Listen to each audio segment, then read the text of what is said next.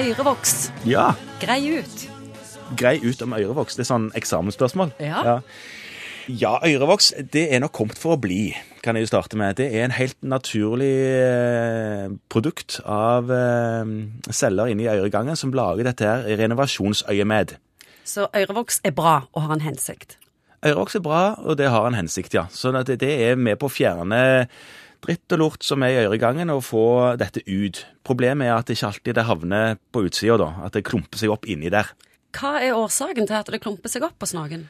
Ja, Hos noen så er det jo sånn at de er gode på å lage ørevoks, og da blir det for mye av det veldig fort. Andre så kan det være sånn at eh, de har øregangseksem, og eksem som irriterer huden inni øregangen, gjør at det produseres mer ørevoks. Og andre igjen bruker q-tips. Litt for langt inn og litt for heftig, sånn at det provoserer øregangene, sånn at det lager mer ørevoks. Og q-tips i seg sjøl kan jo være med på å stappe ørevoksen tett og fast inni der, sånn at den ikke så lett kommer ut. Noen som bruker hørselsvern, stopper for den utflowen, for å si det sånn, av ørevoks. Sånn det er en del sånne faktorer som kan være med på å disponere for å få problemer med ørevoksen sin. Hvordan vet du om du har for mye ørevoks? Ørevoks har du, og har du for mye, så merker du det som en dotthetsfølelse. Da er det på en måte Plutselig så kjenner du at det er en dott i øret. Og så kjenner du òg at hørselen reduseres. Du kan nesten bli døv på det ene øret.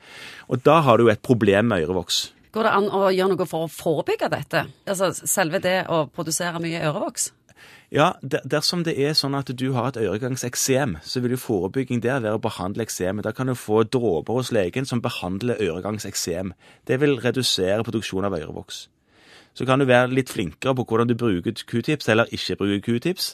At hvis du bruker det, og må bruke det fordi du syns det er utrolig behagelig, for det er jo noen som syns det, så vær litt forsiktig med det du bruker, og ikke ta lenger inn enn du absolutt må.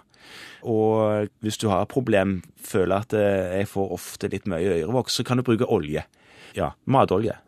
Trenger ikke dra på apoteket og kjøpe dyr sånn øyrevoksoppløsende olje på apoteket er dyrt, og det er mye billigere å bare ta olivenolje eller enda billigere solsikkeolje eller hva du nå har av matolje inni skapet, og ta det på en sprøyte og dryppe det inn i, i øret om kvelden. Og så tar du bomull i øret sånn at ikke oljen går rett ut igjen. Og så ligger du med dette her til dagen etterpå, og så tar du en sånn enten en stor sprøyte eller en sånn spyleballong, og så bare tar du lunka vann og spyler inn i øret, så, så er øret rent for voks.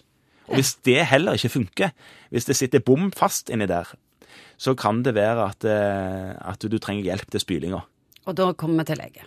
Da har de aller fleste lege, allmennlegekontor utstyr for å spyle, men det de aller fleste sier, det er at du er nødt til å ha drypt med olje én eller to netter i forkant av at du spyler. Du nytter ikke å dra til lege og si 'jeg må spyle meg', fordi da er, da er klumpen med ørevoks så så har jeg han liksom fast inni der, og du får, får han ikke løs med å bare spyle på han med vann. Så den, den må mykgjøres med olje først. Hvem er det som har problemer med ørevoksen? Er det noen tendens mot at det er unge kontra eldre, eller kvinner, menn? Og... Min erfaring er vel at det er mest eldre som har et problem med det.